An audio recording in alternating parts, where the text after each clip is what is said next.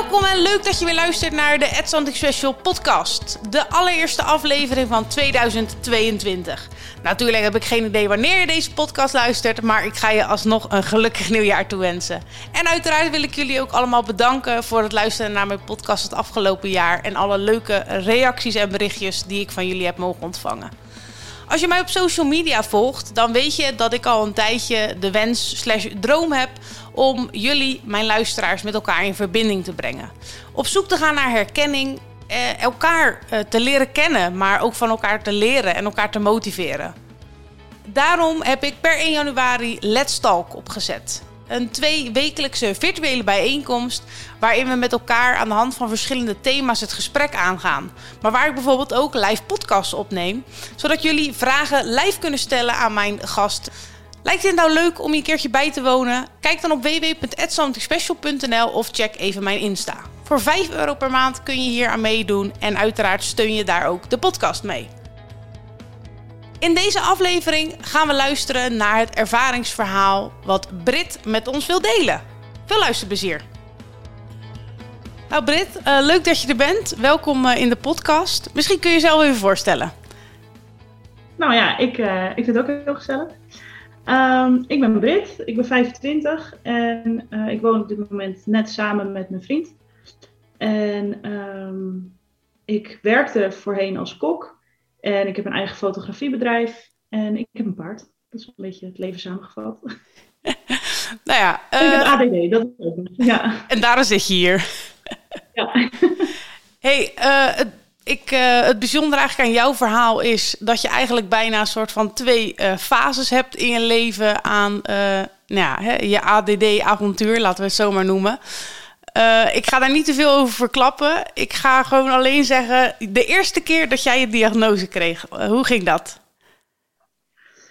Uh, nou, de eerste keer was um, in groep 5, 6 ongeveer, 2008. Um, mijn ouders, of in ieder geval mijn moeder, die werkte bij mij op school. En ik liep al heel erg achter met bepaalde basisvakken. En um, een remedial teacher die had toen gezegd van nou, misschien heeft Brit wel dyscalculie. Dus daar zijn we naar, uh, of zijn ze gaan onderzoeken. En uh, toen kwam er eigenlijk al heel snel uit dat er iets meer aan de hand was dan alleen niet kunnen lezen en schrijven, of tenminste geen cijfers kunnen lezen. Dus ze zijn uh, bij een, um, ja, een, een onderzoekscentrum een ADD-onderzoek ingestart. En ja, daar kwam wel heel duidelijk uit dat, er, dat ik inderdaad ja, ADD heb. En dat uh, was eigenlijk wel heel fijn, ook vooral op de basisschool, omdat je dan toch um, bepaalde stappen um, anders kan nemen dan bepaalde kinderen, zeg maar. Dus uh, voor mij heeft het wel heel veel gedaan.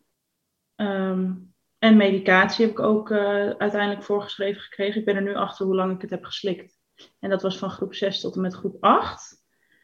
Um, ja, dat was eigenlijk de eerste, de eerste diagnose, om het zo te zeggen. Um, ja, dat was. Uh, ja. Kan je nog herinneren dat je als kind zijn een soort van besef had van hé, hey, ik, ik heb iets of ik ben anders? Of hoe, hoe ging dat voor jou? Ja, ja, nou bij mij komt het eigenlijk, en ik heb gisteren het verslag teruggelezen wat uh, de, die, die, um, die begeleidster ook heeft. Uh, heeft, heeft meegestuurd. Um, ik, had, ik heb een slecht oog, ik heb een lui oog. En voor mij was dat altijd een soort, niet een excuus, maar meer een reden waarom dingen mij niet lukten.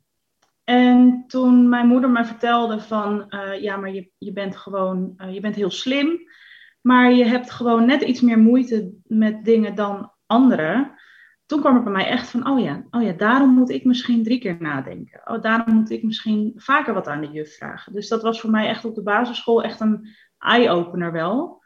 Um, en dat het ook niet aan mijn oog lag, maar dat het echt gewoon iets is waar je, waar je niks aan kan doen. Dat, uh, ja. ja, dat vond ik wel heel bijzonder. Nou, wel een mooie woordspeling. Eye-opener met een lui oog. Ja, ja leuk. ik, was ook, ik was ook daardoor meteen afgeleid door je antwoord. Maar... Als ik het zelf had bedacht, dan uh, ik wel zomaar ook spontaan op. En uh, nou ja, toen uh, ben je natuurlijk naar de middelbare school gegaan. Inmiddels stopte je toen dus ook met je medicatie. hoe zag je middelbare schoolperiode eruit? Ja, nou, ik ben eigenlijk ook gestopt omdat ik naar de middelbare school ging.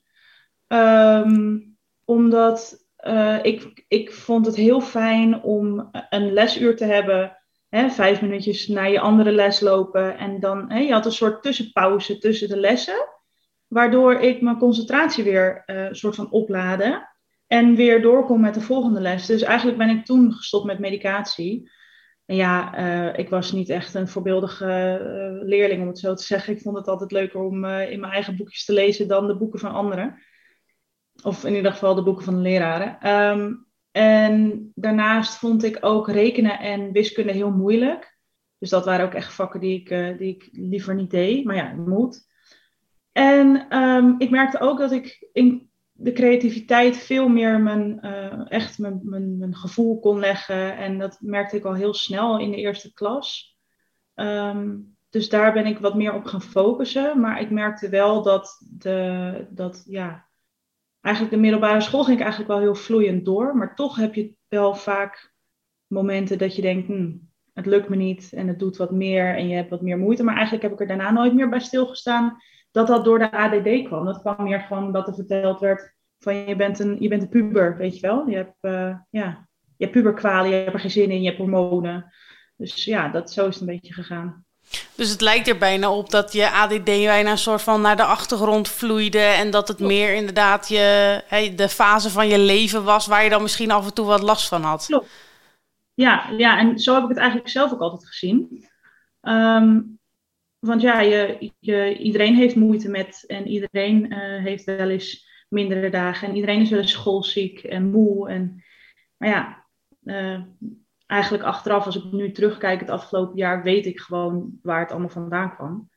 Maar uh, ja, de, ja, het is. achteraf denk ik, misschien had ik toen ook wel wat duidelijker willen weten wat het allemaal was. En wat ADD ook echt inhoudt. Of op dat moment uh, inderdaad word je gewoon gezien als een lastige puber. Maar als er toen tegen mij was gezegd, joh, het maakt niet uit, want je hebt dit en dit. Dat was misschien wat makkelijker geweest ook. Ja. Ja. Nou, en ik weet niet of dat zo is hoor. Dus als dat niet zo is, dan moet je het zeggen. Maar ik kan me ook voorstellen dat je ging natuurlijk in de eerste instantie in het basisonderwijs ging je uh, onderzoeken doen vanwege de, de, de cijfertjes, dyscalculie. En ik denk dat dat natuurlijk ook een beetje de main focus was van het hele onderzoek. En dat je dat misschien ook wel hebt meegenomen, die uh, middelbare schooltijd in.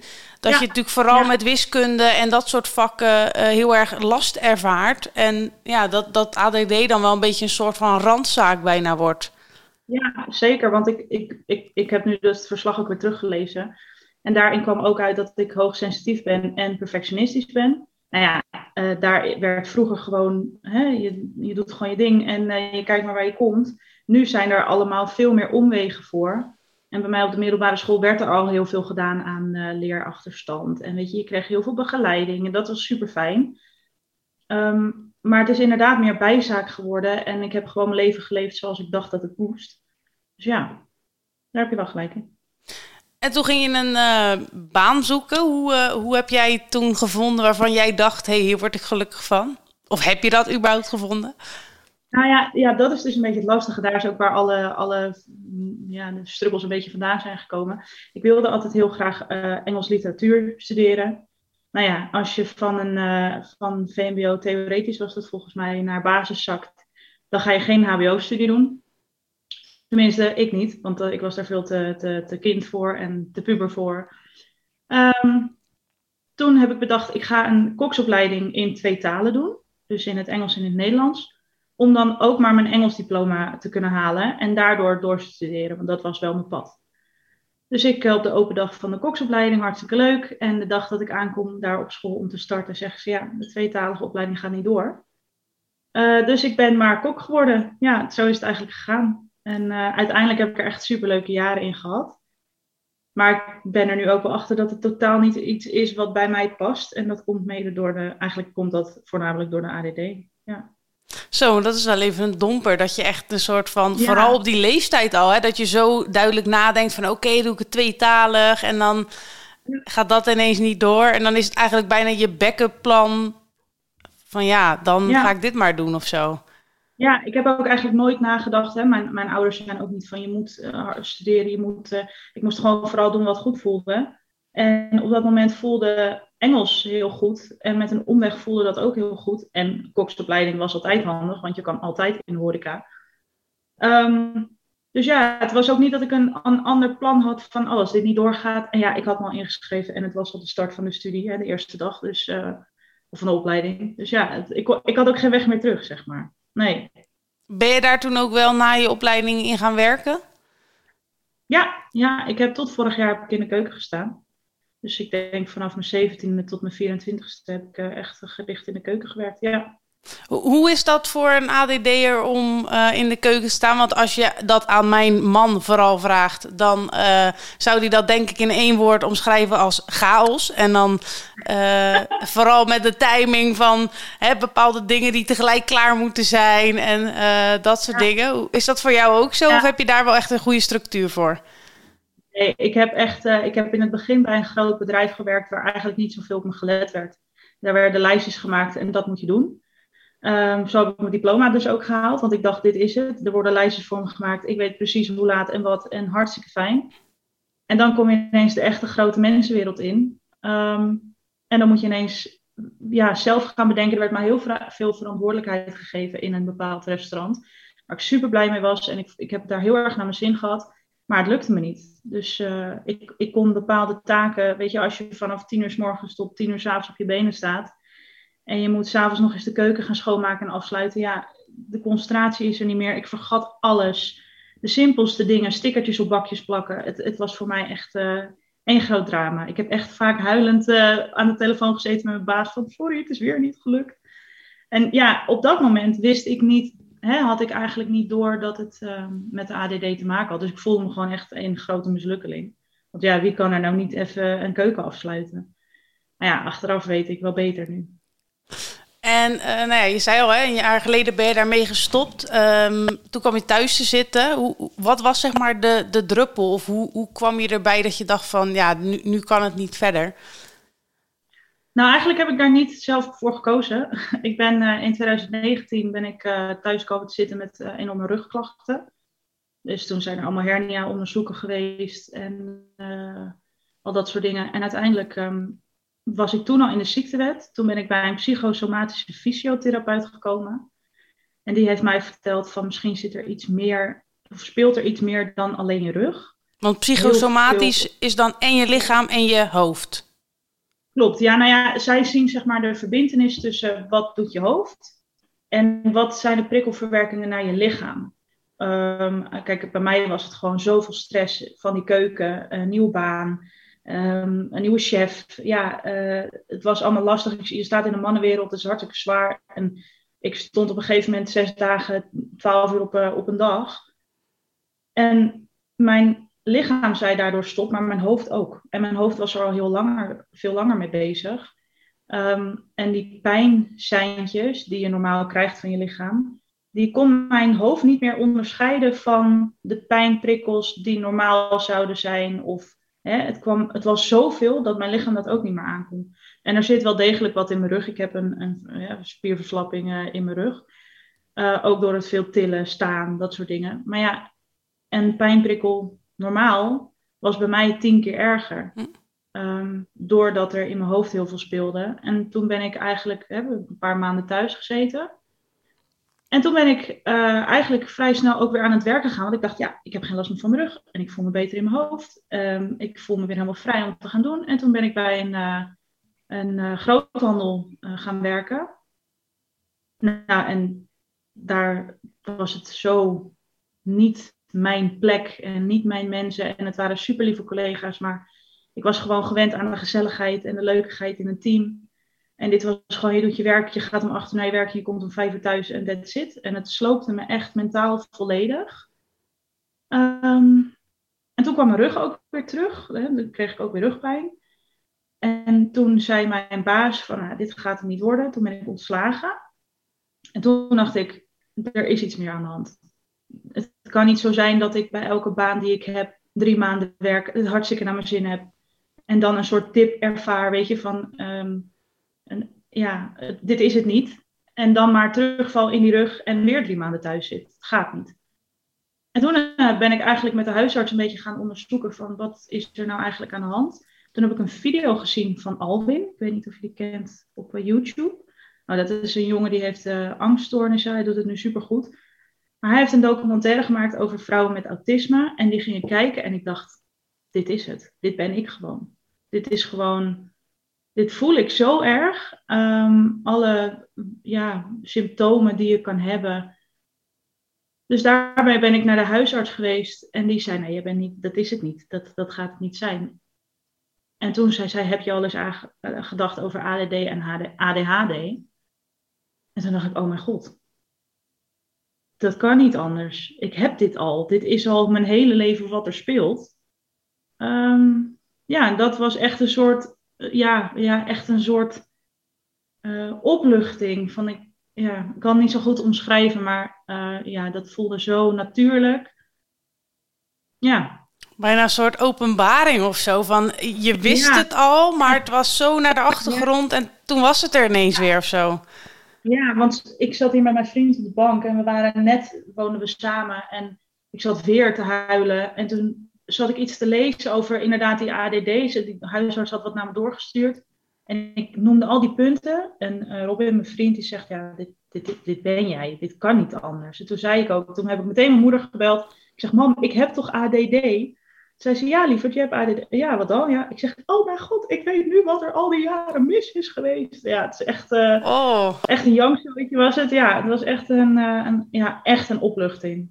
Heetje. En want ik kan me voorstellen, dat, dat heb ik namelijk zelf ook gehad, zo'n fase dat hè, als kind zijnde, dan, hè, dan weet je dat je het hebt. En dan, ja, daar leer je een soort van mee leven. Maar als kind zijnde ga je niet bewust um, inlezen in de materie, dat soort dingen. En dat, dat ging je waarschijnlijk meteen doen.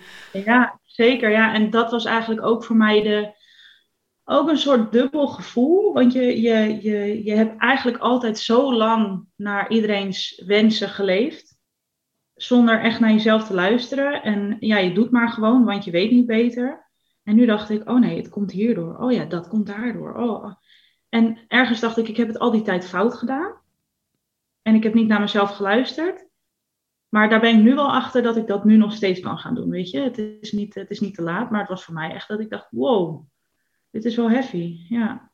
Het, het kan me voorstellen dat het nu bijna zo is van dat je nu weer een soort van tussen aanhalingstekens opnieuw moet beginnen met je leven of zo. Dat je nu. Ja. Ja, dat klinkt heel dramatisch misschien, maar. Nee, nou, en het, het, ja, ik maak het zelf ook heel dramatisch, want dat is ook meteen het, het, het struikelblok geweest. Daardoor ben ik dus ook uh, depressief geworden, om het zo te zeggen. Dus uh, in maart uh, kwam ik er dan ongeveer achter weer. En toen, dacht ik, toen ben ik in zo'n gat gevallen, want ik dacht, hoe ga ik dit in godsnaam oplossen? Ik kan niet meer werken, want mijn lichaam werkt niet mee, mijn hoofd werkt niet mee. Uh, uh, hoe ga ik dit in godsnaam doen? Nou ja, en toen ben ik inderdaad bij een psycholoog terechtgekomen en hè, de hele rambam van een depressie. Um, en hij heeft mij ook inderdaad uh, verteld dat ik dan depressief ben, want daarvan dacht ik ook, nou, dat is niet, zo, dat ben ik helemaal niet, dat, past helemaal niet bij me. Um, maar uiteindelijk heb ik eerst dat uit de weg moeten gaan. En nu, pas begin ik een beetje te zien van wat durf ik en wat kan ik en wat zou ik leuk vinden. Uh, dat heeft wel even geduurd, maar dat heeft inderdaad wel echt impact gehad. Want het was echt zo'n soort gat waar ik in viel. Want ik dacht, ja, nou, nou ben je zo en daar moet je maar mee leren leven of zo. Ja. En als we nu zeg maar een beetje richting de toekomst kijken, hoe, hoe ben jij dan nu bezig om er dan hè, op deze leeftijd achter te komen wat je misschien een, nou, tussen aanhalingstekens, normaal iemand al uh, aan het einde van de middelbare school doet. Dus zoek toch van, hé, hey, waar ben ik goed in en wat zou ik dan willen? Hoe, hoe, ga, hoe ziet dat eruit bij jou? Nou, voor mij is het nu vooral, um, ik, doe, ik maak hele kleine stapjes. Um, dus ik ben nu vooral aan het kijken, wat, wat zijn mijn waardes? Waar hecht ik echt waarde, waarde aan? Um, en hoe kan ik dat omzetten in um, bijvoorbeeld een baan? Weet je, uh, ik ga niet meer de keuken in omdat ik geld moet verdienen, omdat ik een huis heb. Nee, ik wil iets doen wat echt bij mij past, wat ik leuk vind, wat ik vast kan houden. Um, nou ja, ik heb nu dus ACT-therapie heet dat. En daar ga je daar heel erg naar onderzoeken. Maar daarnaast ben ik ook heel veel creatief bezig. Om toch weer te kijken wat prikkelt me, wat, vind ik, wat kan ik vasthouden. Um, en daar probeer ik vooral nu kleine stapjes in te maken. En als ik echt naar het grote plaatje kijk, ja, dan wil ik inderdaad misschien een opleiding naar ervaringsdeskundige gaan doen of mensen helpen. Toch wat meer richting de mentale zorgkant. Ook omdat ik weet dat daar echt heel veel in schort.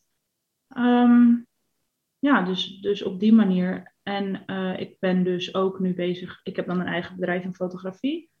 Die wil ik later ook weer oppakken. Maar ik ben nu vooral bezig met um, werk maken. Dus uh, kunst maken. En, uh, en dat een beetje kijken of ik dat ook een beetje kan doen. Want het lijkt me niet meer leuk om aan één ding zo vast te hangen. Dat als je thuis komt dat je uitgeblust bent. En nergens meer energie voor hebt. Dus ik wil eigenlijk van alle dingetjes een beetje meepikken. Ja. Ja, kijk, ik, ik denk dat het een hele zware leerschool is. Maar ik, als ik je zo hoor, uh, dat zal je misschien niet altijd zo ervaren hebben. Maar ga je er wel echt heel goed mee om? En is het ook wel een heel mooi proces om jezelf te leren kennen? Ja, ja en nu kan ik dat gelukkig ook zien. Maar een paar maanden geleden dacht ik echt, hier kom ik nooit meer uit. En, maar nu kan ik inderdaad echt zien dat het, um, dat het inderdaad ook een, een soort van um, pad is wat je moet afleggen om te zorgen, om te kijken waar je kan komen. Want je kan niet doorgaan dezelfde weg, zeg maar. Nee. En nog even terugkomen op die waardes. Uh, ik ben er zelf ook wel bekend mee, maar ik kan me voorstellen dat sommige luisteraars dat niet zijn. Uh, kun je eens uitleggen hoe jij op zoek bent gegaan naar welke waardes voor jou belangrijk zijn? Ja, ja het klinkt echt weer heel, uh, heel cliché, maar je schrijft gewoon op wat vind je leuk. Waar word je blij van? Uh, wat doe je het liefst op een dag? Nou, voor mij is dat gewoon familie. Uh, waar ben je goed in? Ik kan goed luisteren, weet je. Je gaat een bepaald aantal factoren langs waar jij je goed bij voelt. En uiteindelijk komen daar je waarden uit. Dus bij mij uh, ja, is het vooral um, vrijheid hebben, liefdevol, weet je, liefde kunnen geven. Ja, het klinkt zo zweverig en dat ben ik echt totaal niet. Maar het heeft me wel geholpen met wat ik echt belangrijk vind. Want als je en in zo'n gat valt als een depressie en je weet eigenlijk niet zo goed wat je met je leven moet, dan zie je eigenlijk ook de leuke dingen niet meer echt. Um, en die vind je terug door wel je waardes op te schrijven of wel te gaan onderzoeken wat je echt wil. Ja. Ja, ik heb daarin ook nog wel een, eh, een goede tip. Uh, ik ben daar zelf inderdaad ook een tijdje geleden mee bezig geweest. Je hebt het waardespel. Um, ik heb even ondertussen stiekem gegoogeld en dat is van Hein Siebers.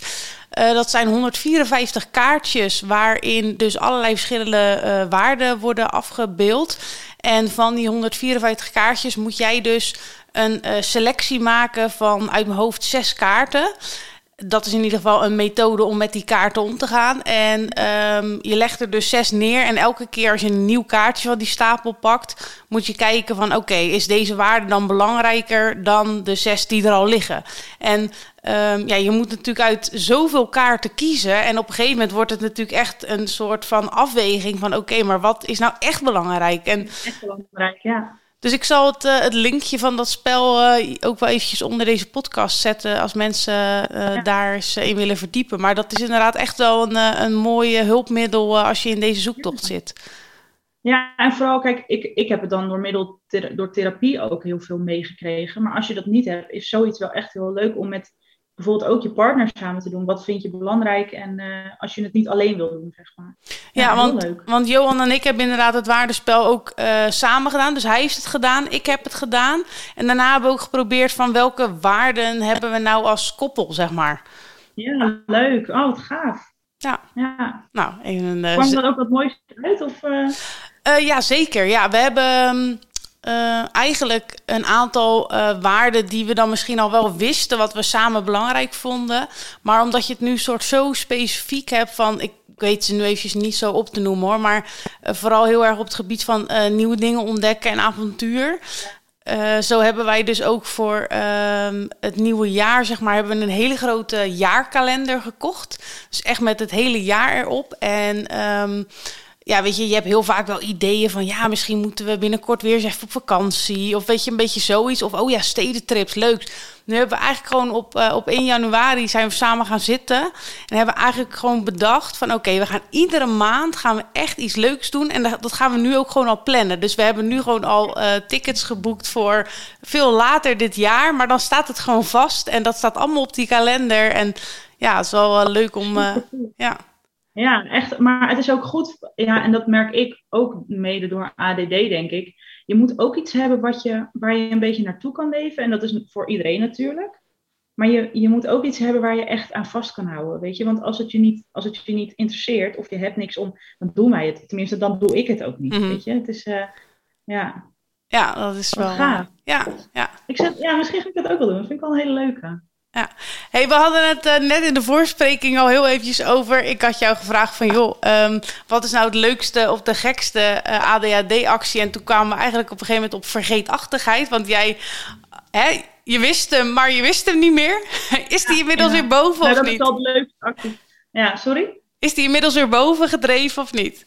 Nee, nee, dat niet. Maar ik kan, weet je, er zijn dagelijks wat dingen waar ik achteraf zo om kan lachen. Ehm, maar ik denk toch dat nu wel het mooiste is dat ik uh, ooit weg ben gegaan van stal. En dat ik dacht, oh, mijn paard staat lekker binnen en uh, ik ga, doei. En uh, ik krijg de volgende ochtend een appje van, hé hey, Brit, je hebt je stal ook laten staan. Je paard heeft alle, alle, al het voer opgegeten, weet je. En inderdaad, op mijn werk per ongeluk de, de, de koelkast uitzetten. En dan gewoon niet meer, nou van de week nog, dat ik gewoon de kraan hier in de keuken aanzet om de gieter um, te vullen voor mijn planten. En ik loop gewoon weg. En een half uur later kom ik naar beneden en ik denk, oh mijn god, die gieter. Ja, het is echt, het is zo, maar ik, ik kan er om lachen. Maar het is ook wel een beetje gênant ergens. Maar ook is het alweer grappig. Ja. ja, het houdt het wel een beetje dynamisch. En ik vind het ook wel mooi dat voor jezelf, je, je snapt het zo goed van jezelf. Maar voor een buitenstaander, ja, die denkt van ja, je bent toch bezig met je planten water geven. Hoe de, hoe de ja, kan je je gieter vergeten? Ja, nou, het is ook zo leuk. Mijn, mijn vriend en ik wonen sinds uh, afgelopen jaar samen. En we gaan al negen jaar, dus we kennen elkaar door en door. Maar hij komt er nu echt achter hoe het is om te leven met iemand die gewoon geen structuur heeft. En ik kan het wel proberen, maar het, het komt gewoon niet vanzelf. Ja. ja. Nou ja, een hele mooie nieuwe, nieuwe ontdekking die hij dus nu ervaart. Ja, echt. ja. Hey, uh, om af te sluiten, wat zou jouw uh, tip zijn voor mensen die nu deze podcast luisteren? Um, ja, ik denk toch, um, als je denkt dat je hulp nodig hebt, wat voor gebied dan ook, ook voor je ADD, als je denkt van ik kom ergens niet uit, weet je, ten eerste praat erover met je omgeving, maar ga ook eens langs een huisarts en vraag eens of er mogelijkheid is voor therapie of voor begeleiding, want er is zoveel waar je zo van kan leren. Wat je misschien zelf niet durft of kan, of, weet je, of je wil het misschien op dat moment niet. Um, ik denk dat dat wel een hele goede is. En wees gewoon lekker jezelf. Ja. Doe gewoon, uh, doe gewoon ja, lach om jezelf vooral. Want het hoeft niet altijd even zwaar te zijn. Ja. Nee, lach er, lach er gewoon omdat je die gieter laat staan en, en neem het jezelf niet zo kwalijk. Ja, precies. Ja, dat vind ik wel het belangrijkste, denk ik. Ja. Nou, Brit, uh, superleuk uh, om jouw uh, ervaringsverhaal zo te horen. volgens mij ben je, ben je al supergoed op weg. En ik hoop dat je gewoon de komende tijd lekker gaat ontdekken waar jij gelukkig van wordt. En ik hoop dat je daar nou ja, in ieder geval in de toekomst heel veel aan gaat hebben. En nou ja, wens ik je vanaf hier heel veel geluk toe. Ja, dankjewel. En jij ook bedankt voor alle, alle mooie podcasts. En daar hebben we natuurlijk, tenminste, daar heb ik heel veel aan gehad. Ja. Ja, super lief. Dankjewel. En succes vanavond ook met de LED. ja, thanks, thanks. Is goed. Nou, in ieder geval jullie hartelijk bedankt voor het luisteren en tot de volgende keer.